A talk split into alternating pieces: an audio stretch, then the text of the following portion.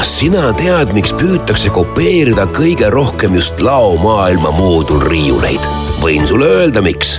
sest paremat süsteemi pole veel välja mõeldud. laomaailma moodulriiulid on loogilise konstruktsiooniga, vastupidavad ja mitmekülgse kasutusega. tule läbi laomaailmast ja veendu ise. Lähem info laomaailm.ee Kuku Raadios välja öeldud seisukohad ei pea ühtima Kuku Raadio seisukohtadega. Te kuulate Kuku Raadiot.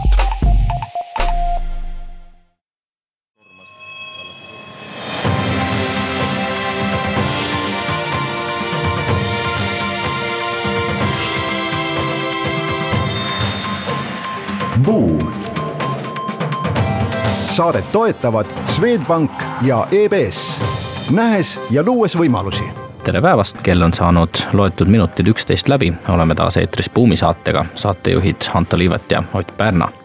tänase uudisteploki avame aruteluga selle üle, miks ostab Telia Bonnieri teleärid ja väidetavasti on tehingu suurus lausa üks koma kaks miljardit eurot Äh, siis räägime ühe Harvard Business Review artikli valguses sellest, milliseid omadussõnu kasutavad juhid kirjeldamaks mehi ja naisi. Räägime ka sellest, kui palju ikkagi on äh, hiinlased Euroopas ettevõtteid äh, üles ostnud ning millised võiksid olla nende tulevikuambitsioonid.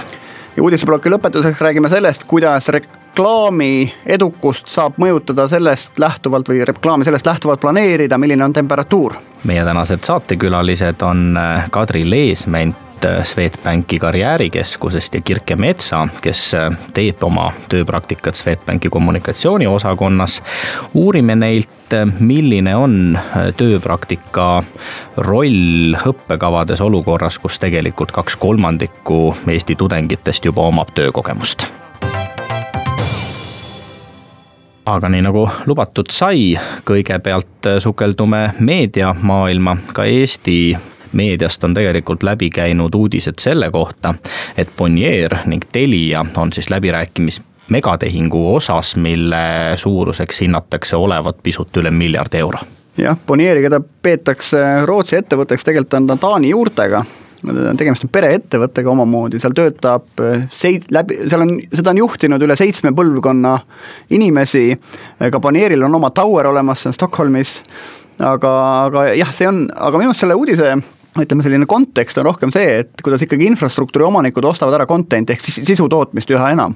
ja selle asja nagu üks pool on jah see, et nad saavad aru, et sellega nad suurendavad oma monopoolset seisundit, suurendavad marginaali ilmselt, ehk siis see toru Äh, teenuse pakkumine läheb üha enam odavamaks, aga mida rohkem on content'i sul käes, seda noh, sul on võimalik teatud monopoolset seisukorda endale, endale tekitada. mis teiselt poolt tegelikult minu meelest töötab vastu kogu sellise teenuste vaba liikumise loogikale. et kui me ikkagi ühes Euroopa riigis näeme nagu mingit jalgpallifinaali ja teises me seda ei näe, on ju, või vormel ühte ühes kohas näeme, teises ei näe, et et tegelikult kliendi perspektiivist lähtuvalt on see pigem kehva uudis. et kui meil on, ma ei tea, kiire internetiühendusega nagu teenuse provider, eks, aga kellel pole sisu ega content'i meile pakkuda, mis siis tolku on sellest kiirest netist, kui me tegelikult sisu ei saa, eks?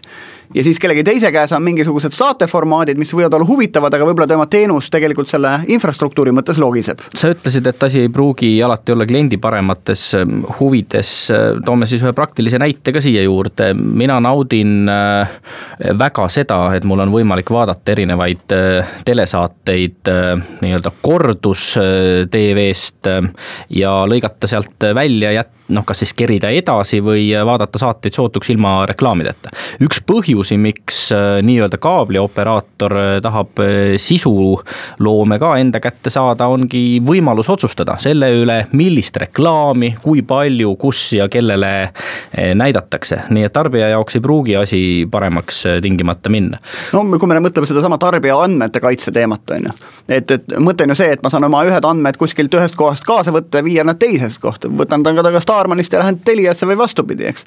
aga eeldusel, et ma saan sisuliselt sama sisu, aga kui ma nüüd seda ei saa, eks, siis äh, ma olen tarbijana nagu teistmoodi lukus vaatame natukene seda korporatiivpoolt ka, ma sirvisin äh, ettevõtete majandusaasta äh, aruandeid. no Bonnier ütleb väga selgelt ühe oma peamise sellise nii-öelda müügiargumendina investoritele, et nad on ikka kohe täiesti perefirma ja pikkade juurte ja ajalooga.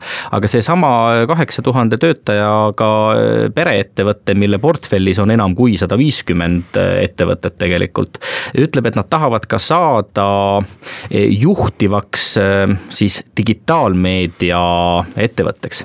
ja kui täna tuleb äh, Bonnieri käibest ainult kakskümmend viis protsenti digimeediast, uuest meediast, siis kahe tuhande kahekümnendaks aastaks on äh, lubatud Äh, viiskümmend protsenti käibest siis äh, uuest meediast. ja, ja noh, seda investeeringut, mida teha tuleb, on vaja kuidagi rahastada, täna tegelikult need telekanalid, mida Teliale müüakse, on ju väga heas seisus, äh, kasumlikud, käive kasvab. Telial seevastu Euraasia turgudelt ära tulles on mingisuguseid uusi rahalehmi vaja. nojah, ja kui me Bonnieri poolt vaatame, siis ühelt poolt jah, et Äripäev kindlasti on nende portfellis praegult, eks, aga aga selgelt tahetakse minna Skandinaavia ettevõtteks, globaalseks ettevõtteks, et kui vaadata, mis varasid ja mis ajakirju nad on kokku ostnud, nad ostsid Time Inki käest, ameeriklaste käest, ostsid siis ma ei tea, kas circa viisteist erinevat ajakirja, sealhulgas tegelikult populaarne või Popular Science, Popular Photography Outdoor Life, äh, nad on läinud äh, motokrossi, ehk siis on nii-öelda ürituse promootorid, on sisuliselt teevad nagu motospordifestivali ehk siis enduro festivale, samamoodi motospordi ajakirju annavad välja. et nad on läinud just selle content'i poole pealt laiemaks ja globaalseks ja, ja minu andmetel peaks olema ka see Bonnieri Corporation ehk siis peakorter vähemasti selle nimeline ettevõte on registreeritud Ameerika Ühendriikides, mis näitab ka, et nad lähevad globaalseks ettevõtteks. vahetame nüüd teemat, Telia umbes aasta tagasi eh, valiti maailma kõige tublimaks telekommunikatsiooni ettevõtteks ehm, selles osas, mis puudutab soolise võrdõiguslikkuse eh, tagamist ja, ja, ja seesinaseid initsiatiive. Harvard Business Review's David Smith, Judith Rosenstein ja Margaret Nikolov kirjutavad meile oma uurimistöö põhjal äh, sellest, milliste omadussõnadega tulemusvestluste järel iseloomustatakse mees- ja naisjuhte või liidreid? no ütleme, see on nagu selline šovinismi indeks või, või lipulaev, iseenesest kui vaadata, no kuivõrd see vastab tegelikkusele, siis juhid tegelikult ka iseloomustavad siis oma vestlusel käivad inimesi siis selliselt. no kõigepealt on see, et, et meeste puhul enamus iseloomujooned olid positiivsed olid ainult kaks positiivset näiteks analüütiline, kompetentne, sportlik ja tugev, usaldusväärne, enesekindel, mitmekülgne, hea väljendusoskus ja kõva häälega, tasakaalukas, loogiline, praktiline. ja meeste puhul oli ainult kaks nagu negatiivset asja, et, et on ohtu, et nad võivad olla arrogantsed ja et äkki on vastutusvõimetud või vastutustundetud täpsemalt. nüüd naiste puhul oli ainult nagu neli positiivselt, mis toodi välja, et on, nad on kaastundlikud, nad on entusiastlikud, nad on energilised ja nad on organiseeritud. aga terve pinutäis siis negatiivset, kui meeste puhul on ainult kaks negatiivset, siis naiste puhul loetleti saamatu, isekas, kergemeelne, passiivne, laialivalguv, oportunistlik, gossip, mis on siis kuulujutte levitav, ärrituv, et ja, ja positiivsed ainult neli. et ma nüüd ei tea, et kas olid intervjueeritud juhitavad juhid, šovinistid ja mehed, kes hindasid selliste kriteeriumide alusel või see on noh, arvat-, arvestades, et siin on uuring taga, et ju nad pidid ikkagi nagu mingi keskmise saama, eks. Üks asi, mida me peame selle uuringu puhul äh, möönma, on äh, see, et kuigi tegemist oli väga esindusliku äh, valimiga, enam kui kaheksakümmend üks tuhat Äh, tulemusvestlust, äh, siis äh, uuring läbi viidi või need tulemusvestlused pärinevad militaarvaldkonnast, mis ongi selline üsna maskuliinne organisatsioon oma kultuuri poole pealt.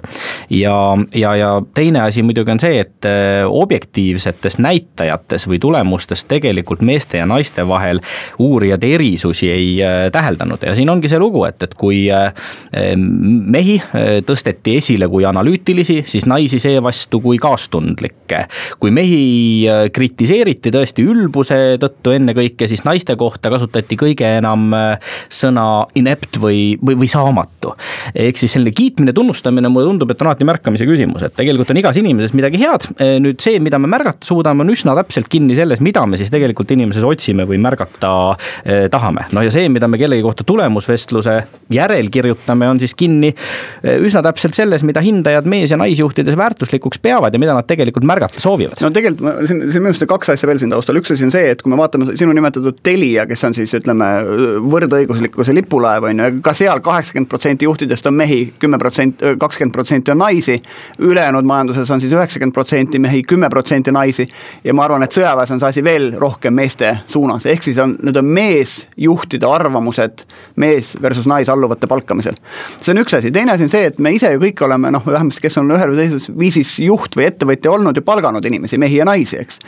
ja noh, on mingisugused stereotüübid, mis kipuvad äh, paika pidama, et kui sul on ikkagi liiga palju naiste kollektiiv, tekib seal sellist subjektiivset catch'i, ehk siis võta juurde mehi, asi läheb lahedamaks, seda on rääkinud koolijuhid, seda on rääkinud paljud teised organisatsioonid, teistpidi, kui sa tahad asju tehtud saada, organiseeritult asju tehtud saada ja sul on ainult meeste kollektiiv, siis ei pruugi töötada et sul on vaja siis selliseid nagu noh, ma olen, võib-olla ei tohi nimetada, aga mina et keskastme juhtidel on naised väga head, eks. et mitte seetõttu, et nad peaks olema ainult keskastme juhid, aga lihtsalt teatud rollides ma kujutan ette, ministeeriumis osakonna juhataja naine ilmselgelt on nagu õigem valik vast kui mees. jälle üldistades, kindlasti on erandeid. ja selle uuringu põhjal tegelikult võib ju öelda ka seda, et kui te ühes või teises organisatsioonis äh, soovite aru saada, milline on selle organisatsiooni kultuur ja väärtusruum, siis äh, jälgige inimeste keelekasutust. see, mida ning kuidas ja kelle kohta äh, öeldakse, annab üsna täpselt ettekujutuse sellest, kuidas selles organisatsioonis mõeldakse, sest keel on meelepeegel. ja, ja võib-olla ka seda, et, et lugege kokku vaidlused töö juures, näiteks kui te sajast va vaidlused, sajast protsendist vaidlustest ja vaadake, püüdke aru saada, palju neist vaidlustest on nagu isikutasandi vaidlused ja palju neist nagu sisutasandi vaidlused. et kui isikutasandil vaidlused lähevad nagu üles, siis sa pead kuidagi organisatsiooni tasakaalustama, et seda isikutasandil problemaatikat maha võtta, mis võib tegelikult organisatsiooni ennast tappa. kuulame nüüd ära kaubanduslikud teadaanded ja vestleme pärast seda Otiga edasi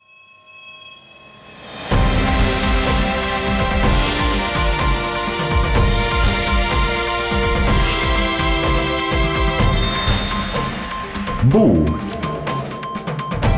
saadet toetavad Swedbank ja EBS, nähes ja luues võimalusi oleme tagasi Buumi eetris, saatejuhid Anto Liivet ja Ott Pärna.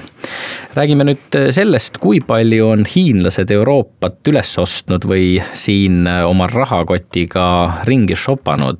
Bloomberg on avaldanud väga põneva ülevaate vastavast informatsioonist ja osundanud tõsiasjale, et äh, hiinlased on viimase kümne aasta jooksul investeerinud Euroopasse ostes siis üles infrastruktuuri objekte, ettevõtteid, nii edasi. kinnisvara.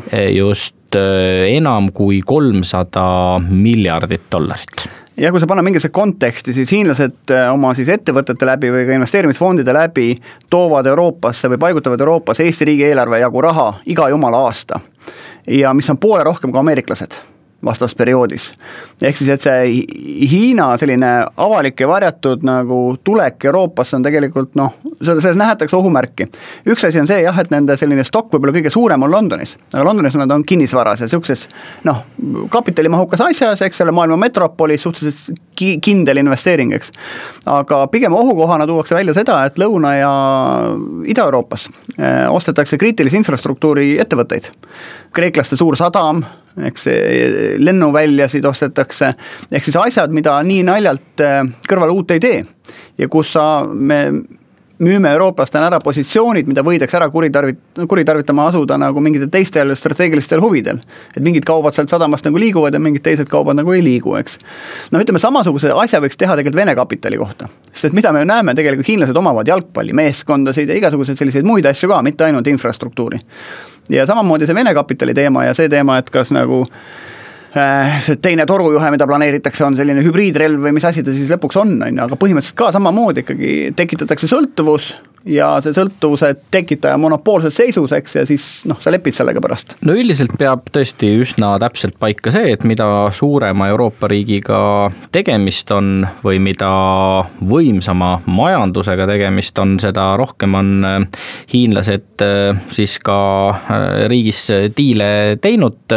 noh, kui vaadata suurt pilti, lahti, siis võiks küsida ju, miks hiinlased näiteks Eestisse nii vähe panustanud on, me kõik teame, et tegelikult rahakott puuga seljas on nad ka, ka Eestis ringi käinud, aga, aga sellise ühe keskmise investeeringu maht on umbes noh, miljard eurot. Ja, ja ega meil Eestis selliseid miljarditehinguid neile kuigi palju pakkuda ei ole. no Bloomberg toob välja Magnetic MRO lennukihooldusettevõtte müügi viiekümne kahe miljoni dollari eest, aga, aga noh, see on ka sisuliselt ainuke suurem no, asi. Äh, Didi osalus Taxify's on ka, ta ei ole küll selles mahus rahas, aga, aga me räägime väga suure ettevõtte teki- te,, tekkimisest siin.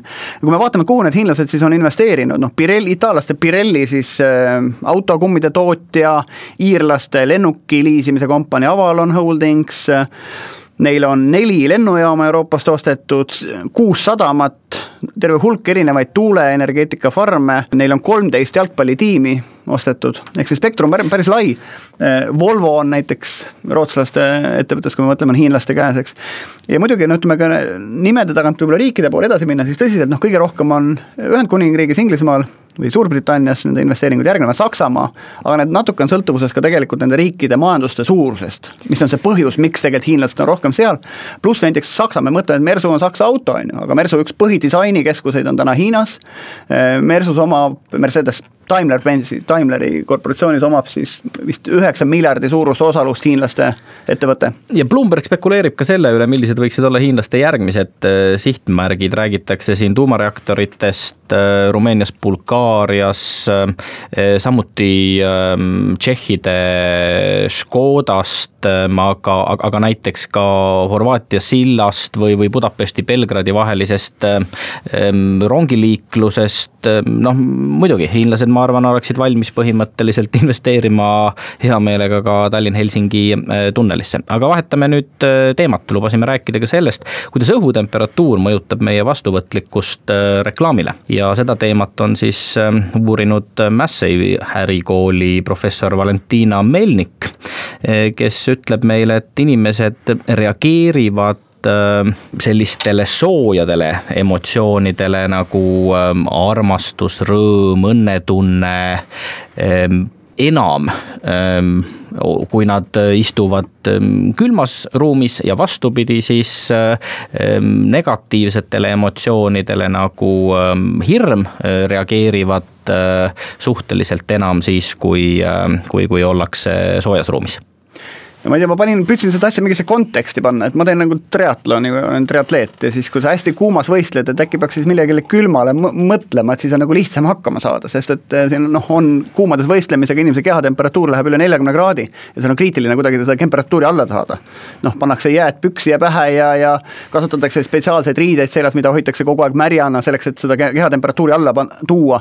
peopesas hoitakse jääga tegelikult papptopse, mis joogipunktist võetakse et ja saadaksegi inimesele kehatemperatuur mingi kraad või kaks alla. kusjuures täpselt sedasama asja ju viit-, räägivad ka uurijad, viidati siis homöostaasile, ehk siis äh, sellele, et, et kui me mõtleme külmas äh, ruumis olles soojade asjade peale, siis äh, kehatemperatuur tõuseb, ehk keha tegelikult nende samade emotsioonide kaudu ka reguleerib oma, oma temperatuuri. aga noh, kui näiteid otsida, siis see tähendab põhimõtteliselt seda, et kui tahta tõelist elamust saada, siis õudusfilme tuleks vaadata soojas toas ja armastusfilme tuleks vaadata külmas toas. ja samamoodi tegelikult saab ju kavandada ka reklaame.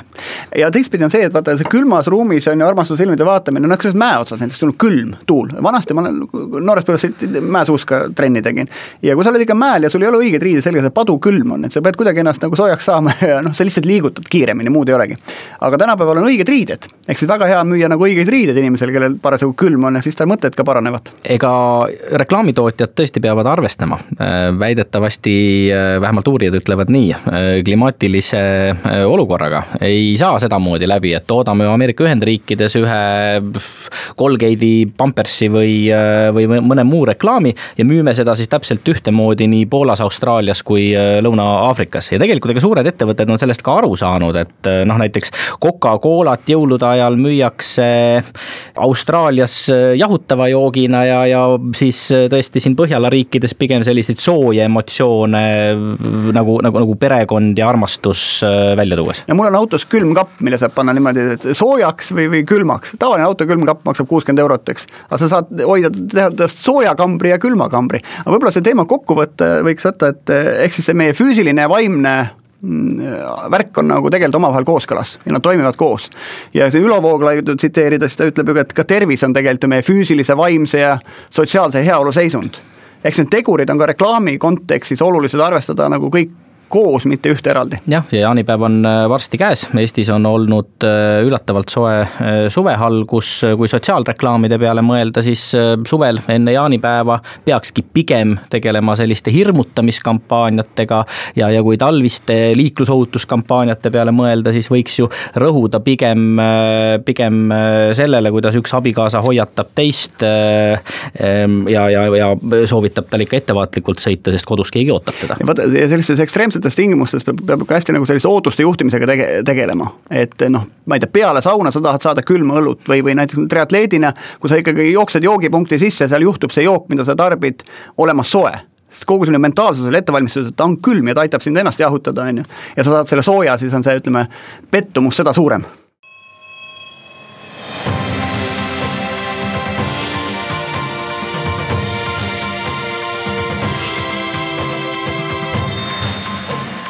Buum.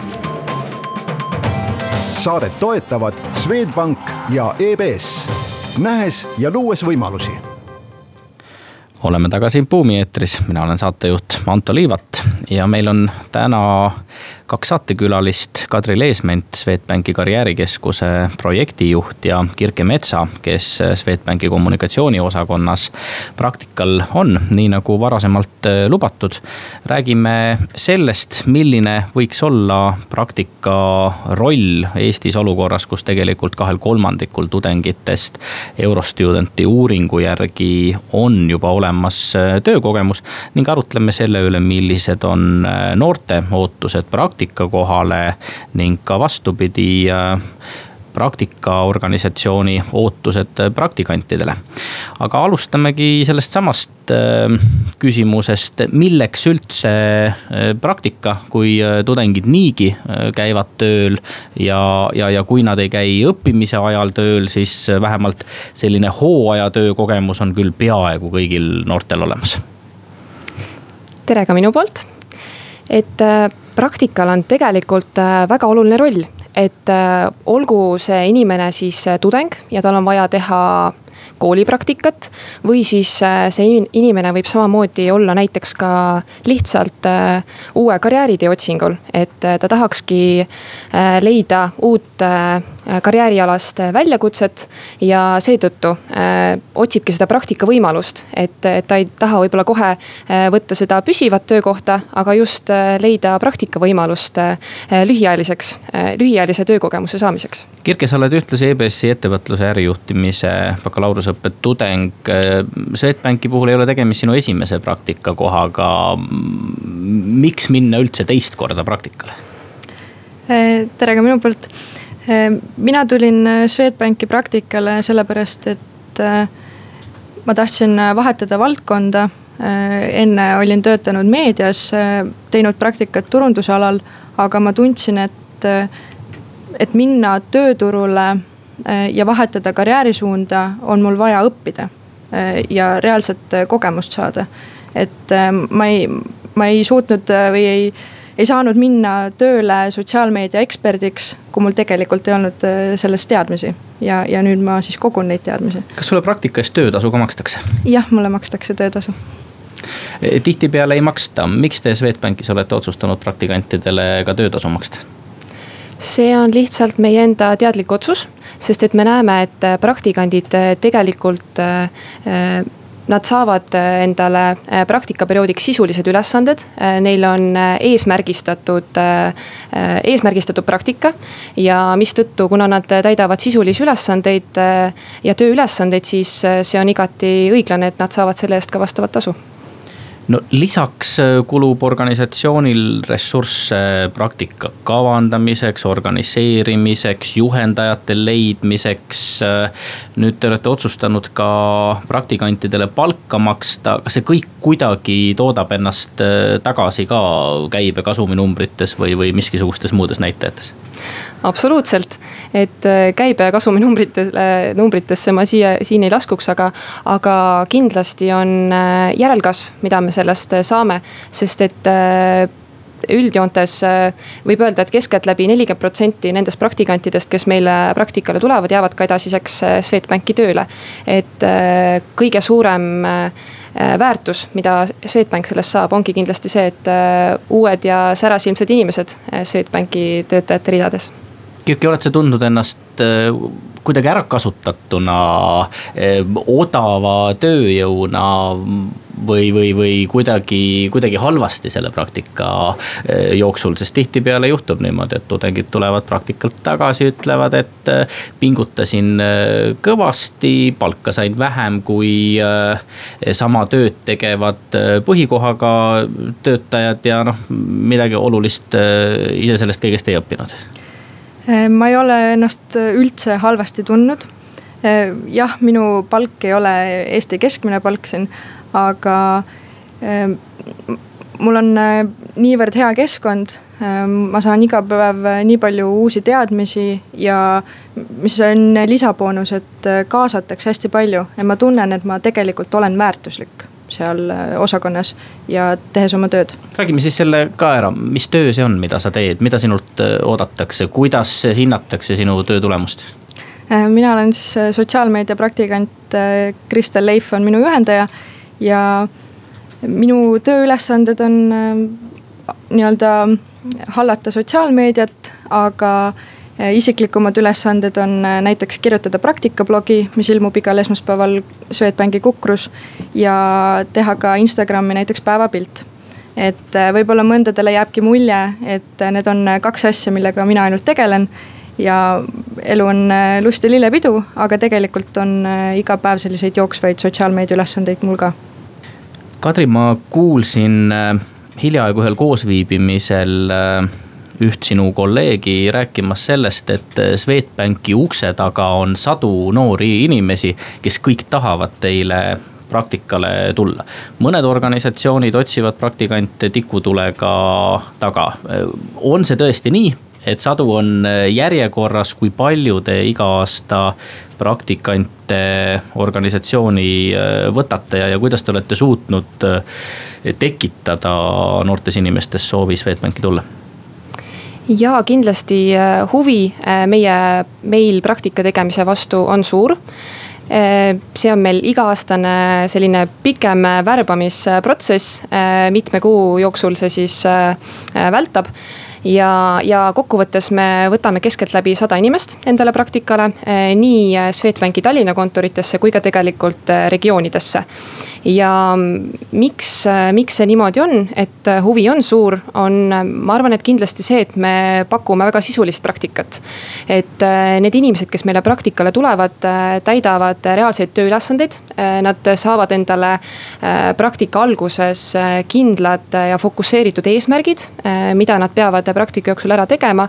ja, ja kindlasti see ka see, mida Kirke juba mainis, et, et need inimesed, kes meil on praktikal käinud ja praktikat ka teevad, nad tunnevad ennast täisväärtuslike meeskonnaliikmetena. et nad on meile tööle võetud täpselt samasuguse värbamisprotsessiga nagu meie enda kõik tavapärased töötajad. Äh, kui ka siis nad läbivad uue töötaja koolitusi äh, samasuguses mahus nagu meie enda töötajad. ja jah, nad saavadki teha sisulisi ülesandeid, et nad on täisväärtuslikud meeskonnaliikmed kui palju te oma valikutega puusse pannud olete, võtnud praktikale inimesi, kellega te pärast praktikat eh, ei soovi koostööd jätkata? Kindlasti selliseid äh, juhtumeid on ette tulnud, äh, arvuliselt ei oska siin öelda, aga ma arvan, et siin kindlasti ei saa süüdistada üht või teist osapoolt, et. Äh, et see on vägagi loomulik, et inimene otsib endale praktikakoha ta arvab, et see valdkond teda huvitab, aga, aga võibki hiljem selguda, et talle pakub huvi hoopis teine valdkond ja ta lähebki, tahabki teise valdkonna peale minna, et. et üks meie ülesandeid ongi siin ka pakkuda seda võimalust, et, et see inimene leiaks endale just selle ametialase väljakutse, mis just temal silma särama paneb Swedbank on suur organisatsioon, neid võimalusi küllap, küllap on, mida, mida pakkuda. Kirke, oled sina mõelnud mingisuguse veel teise rolli peale? noh, kaks praktikat on sul nüüd varsti selja taga, äkki tuleb ka kolmas? ma arvan, et äh, mina olen äh, isiklikult läbinud juba päris suure kadalipu viimaste aastate jooksul ja ma olen leidnud oma koha kuulame vahepeal ära kaubanduslikud teadaanded ja vestleme pärast seda Kadri ning Kirkega edasi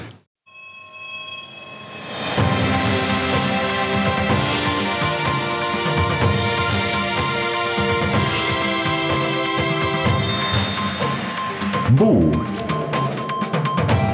Saadet toetavad Swedbank ja EBS, nähes ja luues võimalusi.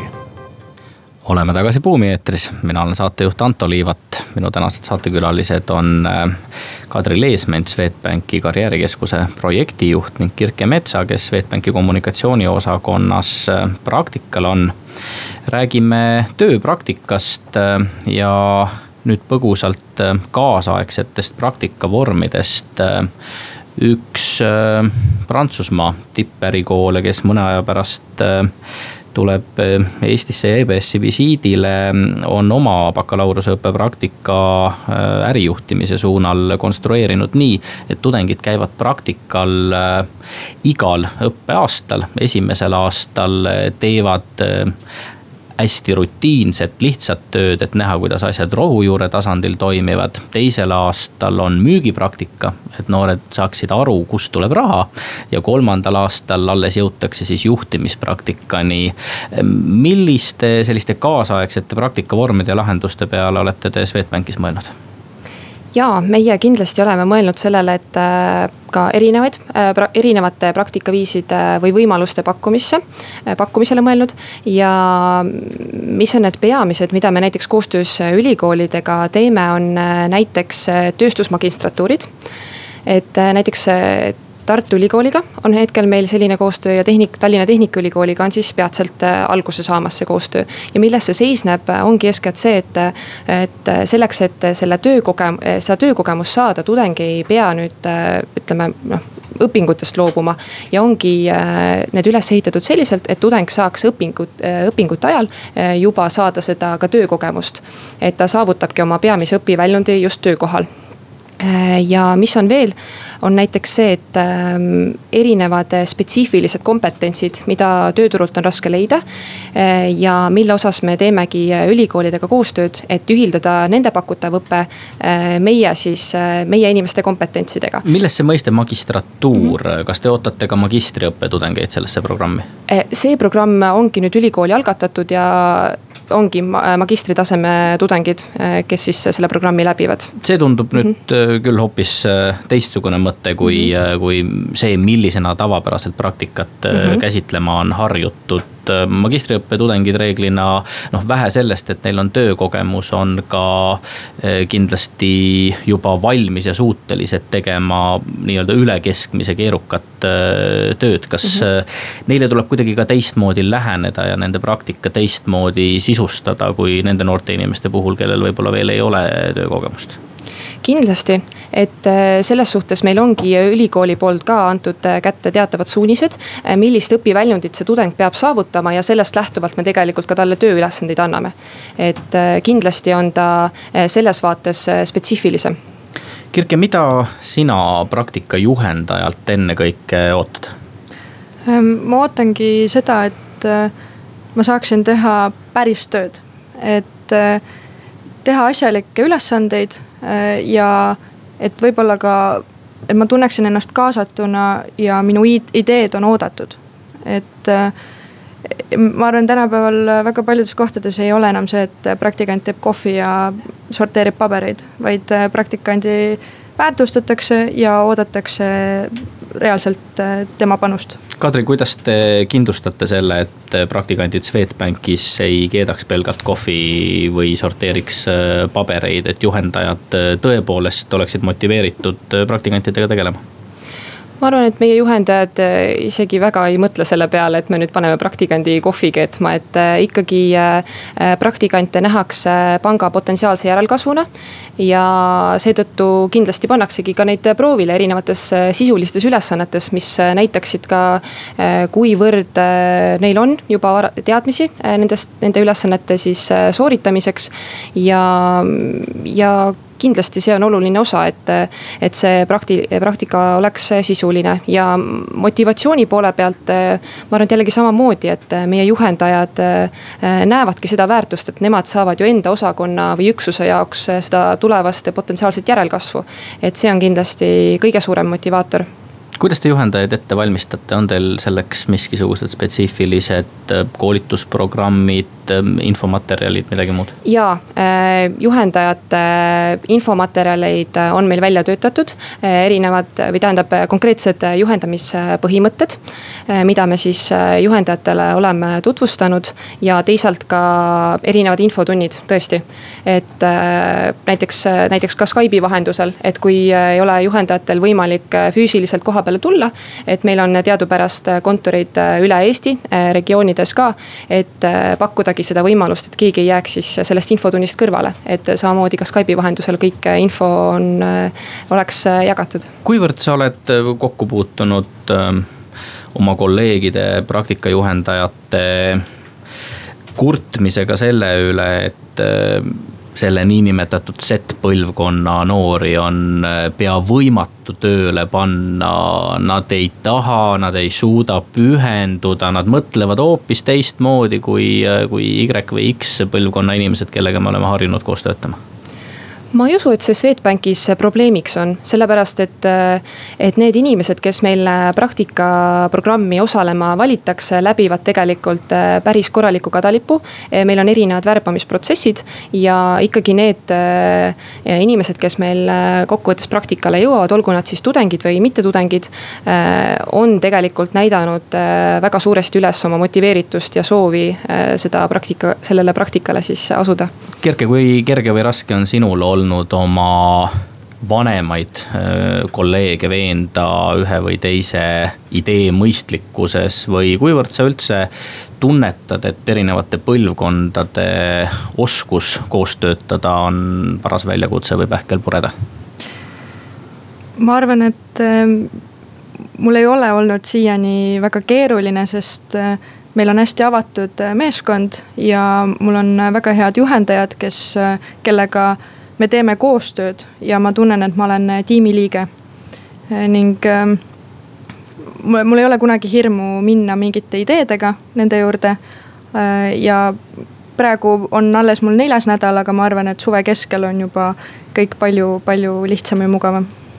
kuidas sa oma tulevikku täna ette kujutad pärast praktikaprogrammi lõppu?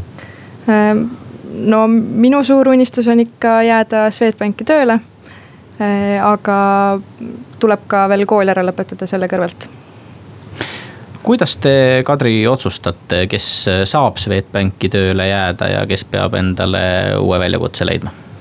kindlasti see on juhendajate enda otsus, äh, kui nad näevad, et antud inimene, kes siis praktikale tuli Äh, vastab ootustele. Äh, ta sobiks äh, meeskonna liikmeks ka edaspidi, siis, siis niimoodi ongi. aga kui sellel juhendajal ei ole parasjagu oma meeskonnas või allüksuses ühtegi vaba töökohta, kas sellisel juhul tuleb siis praktikandil endale ikkagi uus väljakutse leida? Ähm, ütleme nii, et ähm, kui seda äh, ametikohta hetkel ei ole, siis me tegelikult äh, äh, nende potentsiaalsete praktikantidega, keda me siiski näeme tulevikus enda ridades, hoiame ka pärast praktikaprogrammi lõppu kontakti.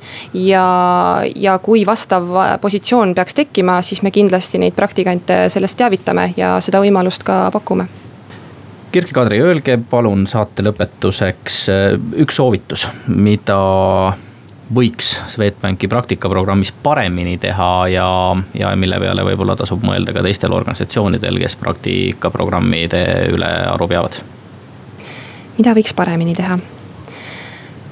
kindlasti selline, äh, ütleme, et äh, alati on see, et mõtled, et tahaks nagu praktikandile anda rohkem ja rohkem, et me oleme tegelikult välja töötanud väga sisulise suvise praktikaprogrammi. et äh, siis andagi seda esmast infot organisatsiooni kohta.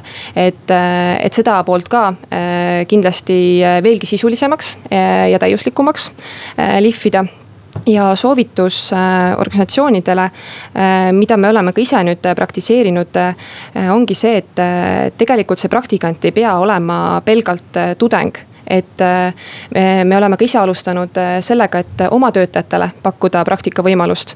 et kui on tegu suure organisatsiooniga, sul on erinevaid ametikohti, siis äh, miks mitte ka oma töötajatel võimaldada seda äh, nii-öelda rotatsioonivõimalust, et ta saab minna äh, ja teha äh, praktikat täiesti teises valdkonnas ja võib-olla ka seetõttu vahetada ametipositsiooni. ja minu kogemus äh, on hetkel see, et äh, mind võeti vastu hästi avatud keskkonda ja minu soovitus nii Swedbanki teistele osakondadele kui ka organisatsioonidele üleüldiselt on see, et kaasake praktikanti ja võtke teda arvesse. Aitäh, Kadri ja Kirke Buumi saatesse tulemast, meil on aeg tänaseks otsad kokku sõlmida, oleme eetris taas täpselt nädala pärast, siis juba uued külalised ja uued jututeemad.